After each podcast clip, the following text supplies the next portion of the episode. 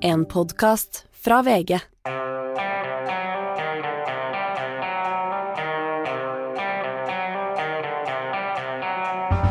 Ikke visste jeg at alle disse dagene som kom og gikk, de var selve uke 17, og det er den siste fulle uka på en stund, Hanne. Fra mandag så bærer det løs med helligdager og fridager og arbeiderdager og jeg vet ikke hva.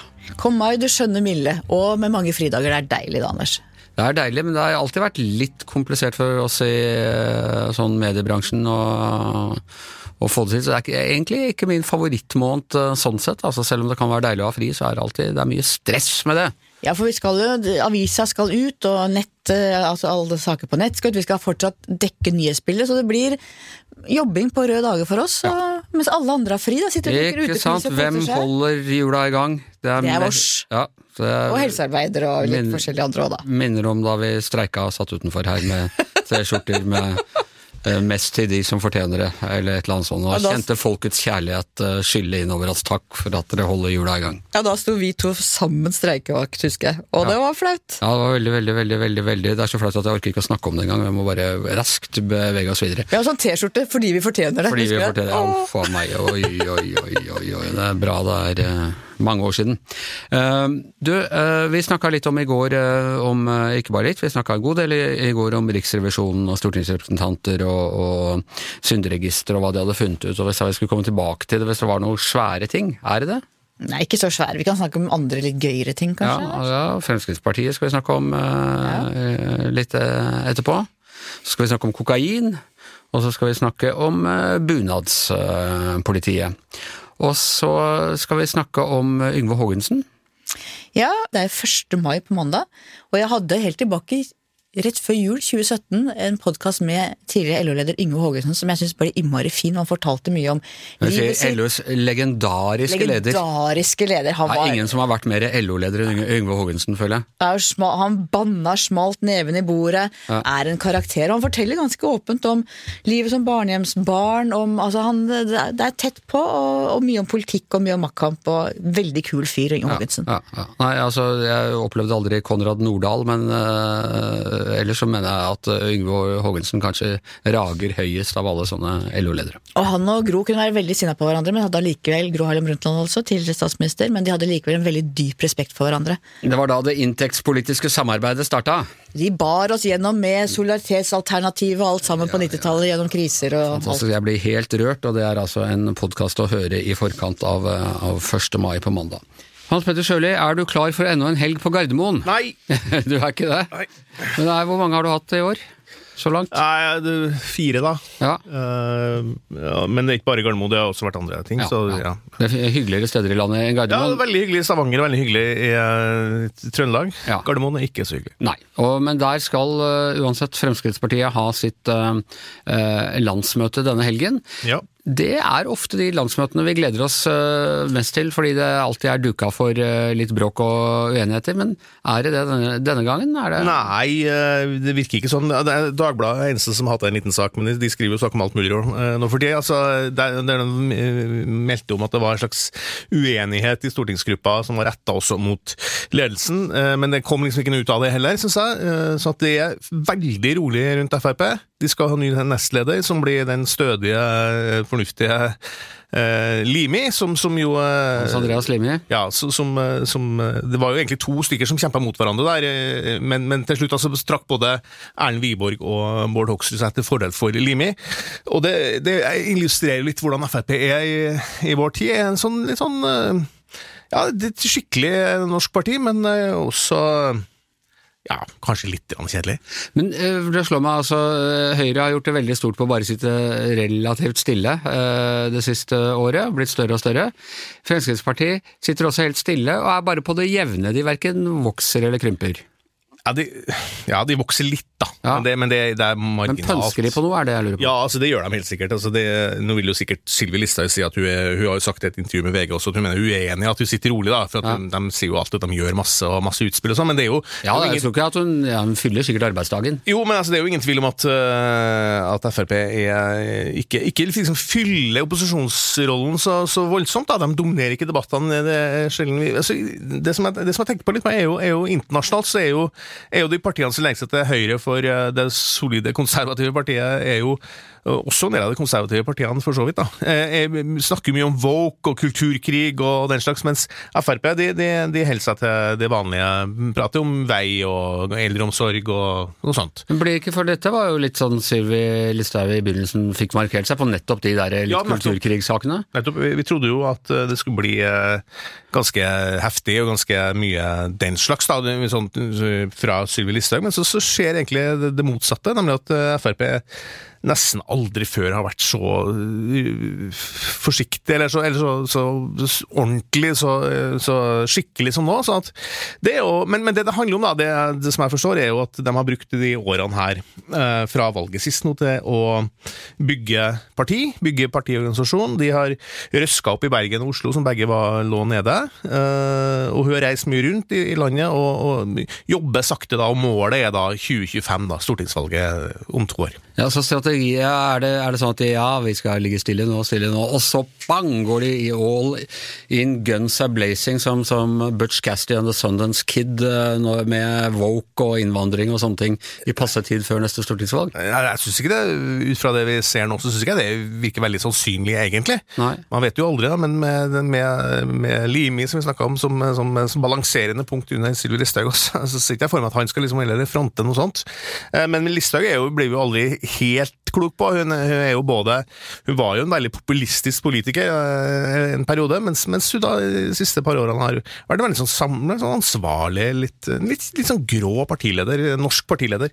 Så, så får vi jo se. Jeg bare se på det landsmøtet her, for eksempel så er det noen resolusjoner som de da skal, skal vedta på det landsmøtet. Og det er eldreomsorg, helsevesenet, øh, næringspolitikk. Eh, For, forfall på fylkesveiene, eh, eh, nei til økt boligskatt, flytte russetida til et, etter eksamen. Altså Det er sånn Ja. ethvert annet parti kunne ha gjort. Ja. Hva, tror du er strategien her, Hanne? Er det, er det bare at de venter på en anledning til å sprette opp som et troll av eske og kapre et svært velgersement sånn rett før neste stortingsvalg, eller har de tatt skjeen i en annen hånd? Jeg tror de har blikket stivt festa på 2025. Ja. eh, og lader opp til det. Jeg tror ikke Sylvi Listhaug er så opptatt av lokalvalget. Og de ligger f.eks. veldig dårlig an her i Oslo. Det virker ikke som De legger, de har fått inn noen nye folk der, men det virker ikke som de legger veldig vekt på å, å, å erobre mye makt rundt i landet. Det er stortingsvalget som gjelder for dem. Og jeg er enig med Hans Petter at uh, hun har blitt ganske grå og kjedelig, Sylvi Listhaug. Hun var jo en rød klut for alle. For fikk jo Du høyere opplever det helt sikkert nå litt sånn uh, urettferdig at uh, mediene og kommentatorene sånn har hyperventilert over hvor uansvarlig og, uh, og brutal hun er og sånne ting, og så når hun legger om det, så er hun ja, hun er blitt så kjedelig i det siste. Men det er, jo en annen rolle å være partileder også. Hun skal samle et parti som jo vi vet spriker i alle retninger og har liksom alt fra populisme til, til Limi og det ansvarlige, eller i hvert fall jo, bortimot ansvarlig i seg. Og det vi alle lurer på er jo Ønsker hun å gå inn i regjering med Høyre hvis de vinner valget i 2025? Nei. Eller vil hun fortsatt være eh, det som vi har trodd, at hun er en opposisjonspolitiker som trives aller best i opposisjon? Ja, altså, jeg synes jo uh, På ett nivå så syns jeg det er veldig fint, eller bra, da, som, som, eh, for, den, for liksom, demokratiet for den diskusjonen vi har i Norge, at, at eh, Frp ikke uh, går all in mot uh, sånn type Ron DeSantis gjør i Florida, sånn, med, hvor det handler om sånne kulturkrigs, sånne små, små saker som de blåser opp til de helt enorme sånne greier som de gjorde litt under Sylvi Listhaug da hun hadde Espen Teigen som rådgiver. da. Så, så det er bra, men samtidig så, så, um, så er alltid sånn med partiet, hva, hva er partiet til for? Eh, og, og hvis Frp også blir eh, litt som Rødt for, for øvrig, hvis de også glir inn i folden og blir enige med alle andre, sånn, så, så blir det liksom ikke noe ordentlig uh, opposisjon. da. Uh, så at jeg liksom tvende sin, så også det, det er bra at vi har et, et skikkelig ordentlig, uh, seriøst parti på ytre høyre i Norge, samtidig som du jeg snakka med en kollega som sa jeg savner en Per Sandberg. Det er jo litt sånn nå. de har jo skapt jo litt mer farge og litt mer trøkk i, norsk politikk. da, og, Sandberg det aksentuerte jo en del debatter som blei viktige. da. Han var jo den perfekte midt imellom, fordi han var en veldig sånn dyktig eh, politiker på de, på de helt sånn konkrete sakene, samtidig som han var relativt god til å, til å jazze opp stemningen med retorikken sin. Ja, altså Han var jo egentlig u, altså den perfekte Frp-eren på mange måter. ikke sant? Eh, men, men, eh, så har jo han funnet på sine ting. Da har han meldt seg over til et annet parti og har hatt andre ting å styre med de siste årene. Så det, så det er vel sånn, det er vel ingen sånne eh, Per Sandberg-typer som er på vei opp i Frp heller? Samtidig så er det jo blant annet her i Oslo har du hatt sånn en gjeng med nasjonalkonservative som står ganske langt ute på høyresida, Hanne, og har, har øh, Listhaug måtte jo ta et oppgjør mot dem da hun var, da hun var påtrappende. og Sitter de helt fornøyd bare å se på at Fremskrittspartiet blir et ansvarlig parti? Carl I. Hagen f.eks.? Ja, Carl I. Hagen er jo konstant misfornøyd. Ja. Og de nasjonalkonservative som du snakker om, de ble jo skjøvet ut, og vi har fått en fornyelse sånn personalmessig i Oslo Frp. Og jeg vet ikke om de som ble skjøvet ut, om de er aktive i Oslo Frp lenger, eller om de bare har trukket seg helt ut. Men De er ikke mange nok til å starte Det er ikke mange nok til. Nei, ikke sant. Men det som også er interessant, tenker jeg, er Frp gjør det godt når det er stor innvandring. For da kan de kjempe mot det. Ja. Og nå er det mange som kommer fra Ukraina, men det er liksom ikke samme eh, Det er ikke noe å være Skaper ikke den samme ikke den samme greia. Sånn når Frp får det som de vil, nemlig at det er lav innvandring, da gjør de det dårlig, for at da har de ikke det å spille på. Så det er, det er et slags paradoks der for dem òg. Ja, ja. Når politikken deres virker, Ja. så, Da så går det dårlig. de Men det er jo det som er litt med den, det er derfor ytre høyre rundt omkring i Europa og England og eh, Storbritannia og USA som satser på det wokerne, for at det er da de må finne på noe å lage halloi rundt, da. Ja. Som gjør at det blir sånn kult, står noe, som står virkelig på spill. da. Så, så det har jo ikke Frp gjort. Og så har de jo de i Oslo de har jo dratt over til Demokratene og holdt på å herje der, og det gir jo ingen uttelling. Og så har samtidig som Frp også får litt konkurranse fra det industri- og næringspartiet, som, som, eh, som er mer sånn klassisk sånn olje og, og sånn. Men jeg ser jo Frp prøvde, prøvde jo veldig nå på å bli selve kjernekraftpartiet. Men nå har jo sånn med alle partiene i Norge gått inn for, eh, på landsmøtene sine, gått inn på en, et eller annet nivå gått inn for eh, å utrede kjernekraft, så har de ikke den saken heller. Til og med KrF. Til og med KrF, og nå sa jo Ropstad fra KrF her at han, nå skal KrF bli kjernekraftpartiet, og da liksom, hva står igjen da? Endelig har de noe å samles om, KrF og Frp. Jeg er helt sikker på, Vi skal være forsiktige med alle prediksjoner. Jeg er helt sikker på at Frp kommer ganske kraftig altså De er jo her med en betydelig oppslutning, men at de kommer til å komme ganske mye kraftigere tilbake på et eller annet tidspunkt. husk på at Frp gjør, de ligger jo ganske sterkt, de de går fram. de gjør det, ja, ja. eh, Framgang fra, fra valget sist. Men det skulle jo bare mangle etter såpass lang tid som de har vært i opposisjon nå, fordi det er jo det de virkelig kan, er jo å være i opposisjon. Det er sant, men samtidig så tar jo Høyre og, og, og soper inn velgere fra regjeringa, så da blir det jo litt sånn Da havner jo automatisk Frp litt i skyggen av det òg, da. Ja. Fremskrittspartiet altså, på Gardermoen denne helgen. Fra det ene til det andre landet drukner i kokain. På mindre enn tre uker er mer enn 1600 kilo kokain funnet i eh, banankasser hos Bama i eh, Groruddalen, og i tillegg er det funnet 100 kilo kokain i en bil tilknyttet et skip fra Sør-Amerika på Husnes i Vestlandet. Eh, Det er åpenbart et, et stort marked der ute, og stadig alarmerende tall om eh, ungdommen, eh, ungdommens kokainvaner, eh, Selma, som er eh, på full fart oppover.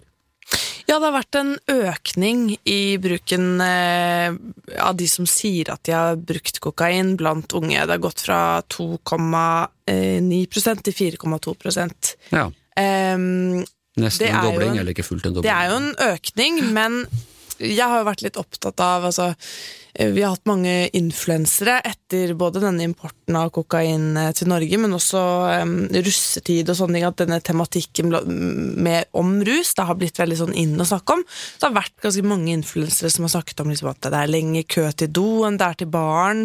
Ja, fordi de står eh, på, på do og, do og sniffer sniffer av skåla. å kjøpe Ja. seg en øl. Da. Og det har eh, blitt liksom fortalt veldig sånn eh, Det er en influenser som heter Jenny Gerken, som også var på NRK-debatten om dette, eh, som sa at vi må snakke om det fuckings kokainforbruket som skjer i Norge nå. Og det bildet som blir malt, er, ganske sånn dystert, selv om vi vet jo at de aller fleste ungdom ikke bruker rus. Eh, så jeg har jo vært litt sånn Jeg syns liksom Ja, klart vi skal snakke om dette, veldig bra, men, men jeg syns vi også kan roe oss bitte litt ned oss og se litt på tallene og puste litt med magen, for det er jo litt synd hvis unge opplever at å ja, er det sånn at alle tar kokain? Jeg tror ikke det er så enkelt at da løper man og tar seg en stripe sjøl, liksom, bare fordi man føler seg litt utenfor. Jeg tror ikke det er så enkelt, men jeg tror også det blir en, den hypen gjør også at vi kanskje bidrar til å normalisere det kanskje enda litt mer da, enn vi kanskje ønsker. Ja, for da, det vil jo si at hvis disse tallene stemmer, så er det rundt 95% av ungdommen som aldri har uh, rørt uh, kokain. Ja, og det er jo ikke en så kul overskrift, på en måte. Så, uh, så jeg opplever jo kanskje at, at vi kaster oss litt vel vel over tematikk som er litt sexy. ikke sant? Vi syns det er litt uh, gøy og kult å høre om. Det er litt spennende. Hvis det hadde vært en økning av uh, ja, et eller annet litt mer traust, så vet jeg ikke om vi hadde fått så mange influensere som hadde kastet seg på bølgen. da.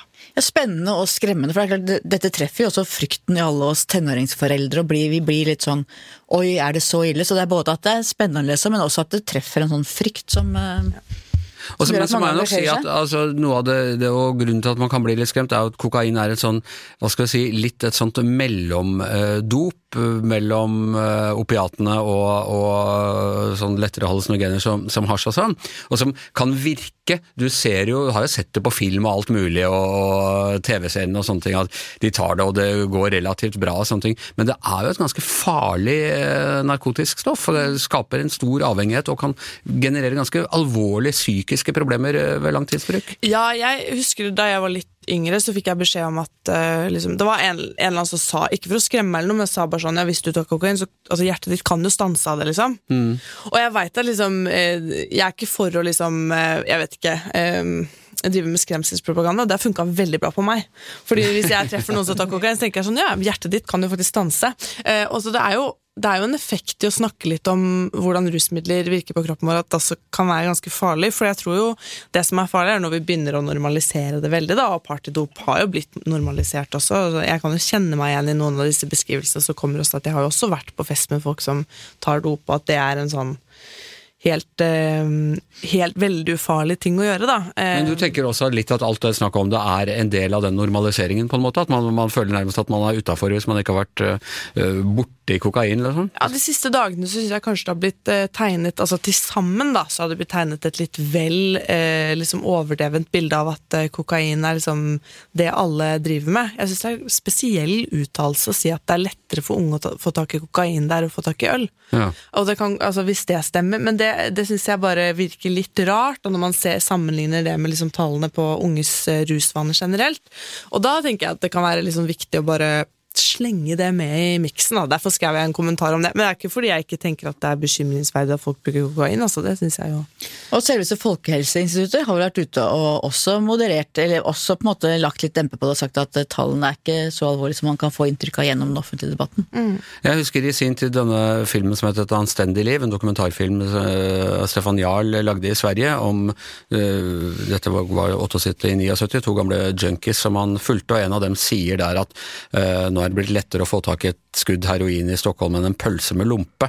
Og det husker jeg det uttrykket, det bare det fulgte, og det begynte alle å si i debatten i Norge også, at ah, nå er det mye lettere å få tak i, det var jo bare tull. Det er jo er ikke i nærheten av sant, ikke sant? men det, det fester seg lett sånne, den type øh, fortellinger. da. Ja, jeg synes det er fascinerende, og jeg tror også journalister er jo veldig opptatt av å skrive om tematikk som går ungt. sant? Alle vil jo ha tak i de unge, det er sånn jeg jobber med også. Men da, eh, jeg ser bare den tendensen til at liksom en influenser eller halvkjendis eller kjendis sier noe om sånn Ja, jeg har på en måte, dette er min personlige erfaring med dette. Som er sånn Det er veldig fint med personlig erfaring, men vi kan ikke liksom bygge kun på det, sant? Og da blir det Jeg opplever noen ganger at det skjer i veldig mange saker. At med en gang det er en influenser som mener noe om det, eh, og gjerne går litt sånn hardt ut, så blir det liksom toneangivende for resten av liksom stemninga i debatten. da. Og du nevner jo i kommentaren hvordan alle da kaster seg på gjerne med en litt sånn sentimentalt skremmende historie også. Ja, og jeg, jeg, er jo litt fascinert over noen influensere, for de har virkelig opplevd alt. Uansett hva det er som er i vinden, så har de en eller annen historie. Og jeg, jeg sier ikke at jeg ikke tror på folks observasjoner, så det gjør jeg, men, men jeg er litt kritisk til liksom Jeg ser også på sosiale medier, så får du dette veldig sånn i fleisen. Mm. Ja. Øh, men øh, hva tror du, Hanne? Hva er, altså, norsk narkotikapolitikk den er litt eldre enn oss, og den har stort sett fulgt én linje med forbud og skremsel og sånne ting, og har ikke funka så veldig godt så langt.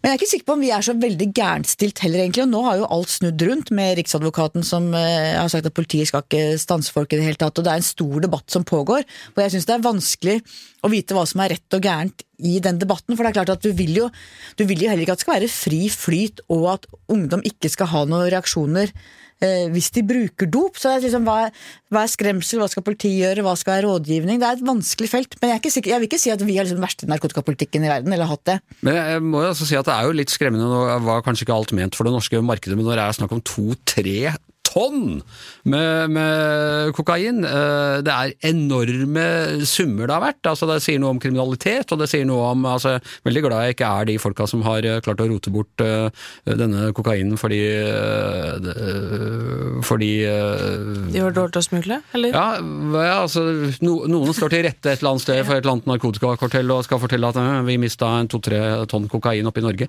Mm. det, det gir jo noen skumle perspektiver der også. Det virker litt sånn fjernt. Og så er det så ironisk med Bama-kassene. Ja, ja, Det er at det er så veldig koselig med de bananene og sånn. Ja. Og så vops, var det Når det kommer en båt med bananer Og det at det ligger jo veldig mye av dette organisert kriminalitet og ting som griper om seg mer og mer, og hvor Norge heller ikke er usårbar. Vi ser Sverige har hatt, har hatt veldig, veldig heavy narkotikakriminalitet og gjenger, hardbarka gjenger lenge. Og det er jo smitter kanskje litt over til Norge, og dette henger jo sammen med også narkotika, selvfølgelig. Jeg var i sin tid da jeg var USA-korrespondent, så var jeg og besøkte de norske jentene som satt i fengsel i Bolivia, for å ha smuglet langt fra tre tonn, men øh, den gang ganske store øh, summer. Og da var det hele der fengselet var jo mer eller mindre operert av fangene selv, myndighetene holdt bare murer og vakter. Og det var en eldre dame som liksom var sjefen der inne, og hun var så begeistra for at vi kom fra Norge, for hun hadde smugla masse kokain til Sverige på, på 80-tallet og Stureplan og kunne navnet på alle, uh, alle nattklubbene i Sverige på den tiden. Og skikkelig sånn trivelig, eldre boliviansk uh, dame. Så det er jo, det er jo en øh, multiglobal øh, industri, dette her. Hvem av oss tre hadde vært den beste kokainsmugleren, tror dere? Sånn rent sånn og ikke blitt tatt? Ja, det vet ikke, Jeg ble alltid stoppa i tollen før i tida og kikka både her og der, men det var i yngre dager. Jeg tror kanskje meg. Ja, for at det er litt sånn godt voksne damer som ser litt uskyldige ut og litt grå i håret, og ingen kan tenke seg det. Jeg tror kanskje at jeg hadde vært den beste. Ja, Du hadde gjort deg også sammen med de der damene så i det fengselet i Bolivia. Veldig trivelige damer. Men bare for det rekord, jeg skal ikke prøve, altså. Nei, nei, nå føler jeg at vi friker oss litt ut fra et veldig alvorlig tema. Ikke ta narkotika, dere, våre lyttere. Det lønner seg aldri. Hjertet ditt kan stanse. Hjertet ditt kan stanse. Ok, rett over helgen begynner mai, du skjønne milde, og med den kommer den årlige bunadsdebatten. Det er nesten som sånn øh, julepynt og julegodteri i butikkene i november-debatten. Dette, Astrid, det er liksom Vi vet det kommer. Ja, ja, men det er jo altfor seint. Vi burde jo begynt allerede i februar, hvis vi skal sammenligne med påskemarsipanen og julemarsipandebatten. For nå er det jo snart mai, da, Anders? Ja, det er for så vidt riktig. at er, eh, Her er det rom for forbedringer for oss, oss i mediene, som jo er de som eh, bringer krigsreportasjene fra, fra eller, eh, eller kriminalreportasjene fra bunadspolitiet og overgrepene i det hele tatt.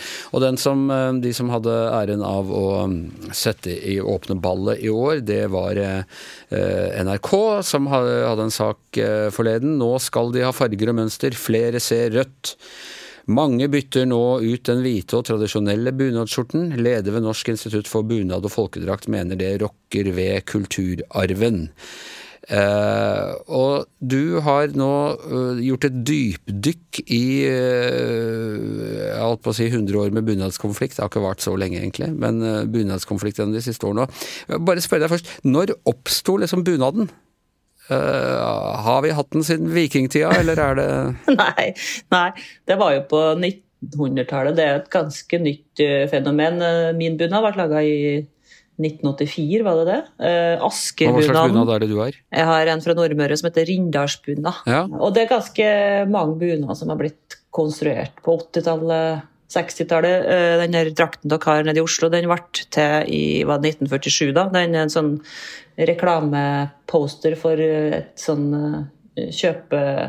Hva heter det for noe? Sten og Strøm sitt 150-årsjubileum, altså et kjøpesenter. Sten og Strøm-bunaden er en av de vakreste vi har, faktisk. Ja, den eh, Oslo-drakten, som nå heter Oslo-bunaden, den eh, Det eneste den har med Oslo å gjøre, egentlig, er jo at den har sånn blomster sydd nederst på skjørtet der som eh, kan minne om blomster som finnes i bymarka i Oslo.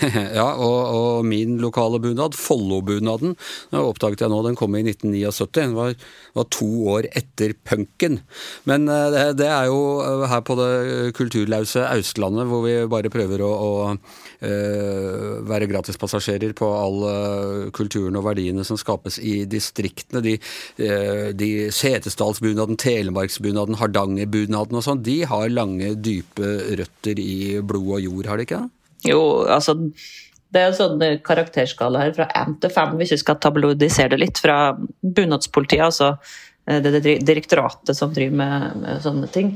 Og eh, de som har best karakter, er de som de påstår har vært i bruk uavbrutt hele veien da, siden 1700- og 1800-tallet. Og det er sånn eh, Setesdal, Hardanger og noen få. Men de aller fleste bunadene har jo eh, slett ikke vært i bruk i det hele tatt kontinuerlig. De aller fleste er konstruksjoner som er basert løselig på noe broderi og litt sånn forskjellig som er funnet rundt. Og, og jeg tror at de alle bunadene som vi har i dag, hvis vi hadde tatt på oss de, for det første så hadde det jo ikke passa, da. Vi hadde vært for trege. Men hvis vi skulle dratt tilbake til 1800-tallet og tatt på oss de, altså, så ville de sett kjemperart på oss. For det var ingen bondekjerringer som gikk kledd sånn som det der til verken fest eller hverdags eh, eh på 1800-tallet. Nei, Men når, når, kom standardiseringen inn i bildet? Når var det man liksom sa at her er eh, slik skal bunaden være, dette har dere bare å forholde dere til? Egentlig så tror jeg at den bunaden er kontinuerlig forandring hele tida. Det tror jeg egentlig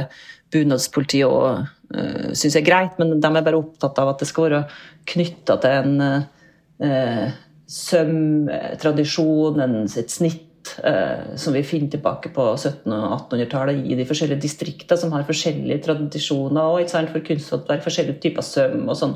At det skal knyttes til eh, av en eller annen grunn 1800-tallet. Så var det er liksom det som får stempel urnorsk Originalt norsk, det er ja, 1800-tallet. Ja, kortreist uh, søm og stoffer.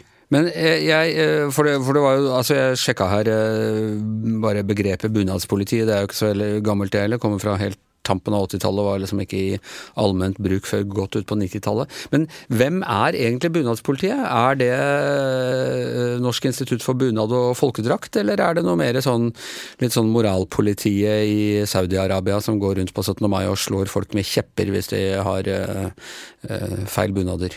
Jeg tror bunadspolitiet egentlig er mest medieskapt. Vi, hvert år på den tida så prøver vi å skremme opp noen syersker, syersker enten på lokale bunadsbutikker, eller i det Norsk institutt for bunad og folkedrakt å si enten at solbriller er feil til bunad, at det er feil med sånn pynt, ørepynt det er feil, og så prøver vi å få dem til å si at det, i år så har jo NRK fått dem til å sagt at det er feil med sånn blomstrete skjorter da, til, til, bunad. I hvert fall til nornbuda. Men det som er litt artig, vet du, at en av de få bunadene som, som, som vi har bilde av fra 1800-tallet, det er den der eh, beltestakken fra Øst-Telemark.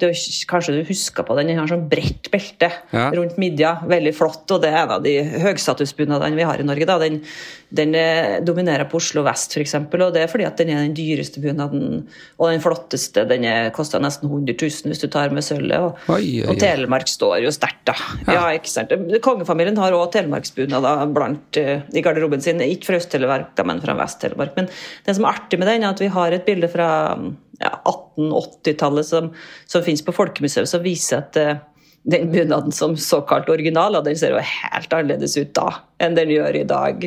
Uh, og skjorta, ikke minst skjorta, den er jo blomstrete den gangen. Så, så det fantes jo eksempel på at de har blomstrete skjorter uh, den gangen òg. Men, men, det som bunadspolitiet mener nå da, i Norsk institutt for bunad og folkedrakt, er at de skjortene de kan ikke brukes på alle slags bunad, de må brukes eh, i de områdene som har tradisjon for slik eh, blomstrete skjorte. Da. Ikke borti Hordaland og Rogaland og der det har spredd seg, akkurat som sånn havnesby som også sprer seg i de områdene i, i farvannet. Så, så, de er redd for at det skal liksom utvatne de lokale tradisjonene. Ja. Så bunaden er rett og slett som kulturen eh, ellers, den er i kontinuerlig forandring? Men det, ja, ikke sant. Men det skal jeg si, som du var inne på, eh, som jeg glemte, det er selvfølgelig at det er moralpolitiet mest av alt som er bunadspolitiet. Det er jo det er jo nabokjerringa og svigermor og alle sammen i kommentarfeltet som er liksom opptatt av å diskutere det. Og det er jo ikke så rart, fordi at alle har bunad.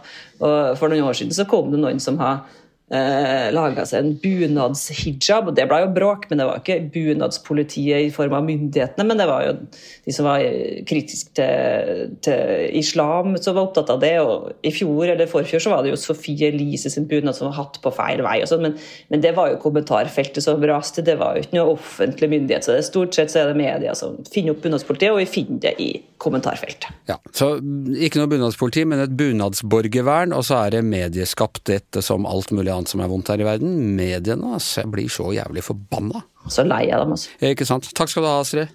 Det nærmer seg slutten, og sluttrudelutten det er at du forteller eh, hva du, eh, hva du skriver om til i morgen. Jeg skriver om Forsvarskommisjonen, som legger fram sin rapport onsdag neste uke. Forsvarspolitikk scorer jo ganske lavt på hva nordmenn er opptatt av når det gjelder saker. Det syns jeg er innmari både leit og rart. Ja, nå også, situasjon. Anders. Og det Yes. syns jeg er veldig rart. Ta dere sammen, folk. Ja, Forsvarskommisjonen er veldig viktig. Den er ledet av Knut Storberget, som jo har virkelig kjent for alvor hva dårlig beredskap eh, betyr. Han var justisminister 22.07.2011 og ba om å få gå av den natten. For Ja. Han følte så tungt på ansvaret, fikk ikke lov til det. Men han tar dette på stort, stort alvor. Så jeg ser fram til eh, den fremleggelsen på onsdag. Det blir spennende, og du eksperimenterer litt med lengde og form eh, denne gangen, for det er en dugnad i VG for tiden. Ja, så jeg prøver rett og slett, for er, nå er det dugnad på at ingen manus skal være lenger enn 3000 tegn. Ikke helt, altså det, Man kan hvis det er helt spesielle, svære reportasjer fra osv. Så, videre. så jeg skriver, prøver å skrive min lørdagskommentar på under 3000 tegn. Og vanligvis ligger den på rundt 5, eller 5, eller fem og 6000. Ja, ja, så omtrent halvparten. Men du skriver jo ofte kommentarer som er bare på 2000 tegn også, så det er ikke Ja. sånn at dette er helt uh, ukjent territorium for deg? Nei, det er absolutt. Men det er klart det skal være på side to og tre i avisa, og det er liksom, jeg føler lørdagskommentaren er noe litt mer sånn alvorlig, seriøs. Jeg, jeg jobber litt med Inni hodet mitt så er formatet annerledes på en lørdagskommentar enn en annen kommentar, og jeg tror det sitter mest i hodet mitt. Så det er en utfordring til meg selv på en fredag. Ja. Med det er eh, over for denne uka. Vi kommer ikke på mandag på Arbeidernes dag, det skulle tatt seg ut. Eh, Så tusen takk til Hans Petter Sjøli, Astrid Mæland, eh, Hanne Skartvedt, Selma Moren. Jeg heter Anders Giæver, og mannen som har produsert denne sendingen i sin vakre bunad fra Rælingen, er som vanlig Magne Antonsen.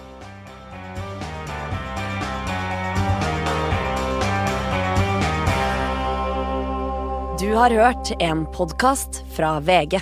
Ansvarlig redaktør, Gard Steiro.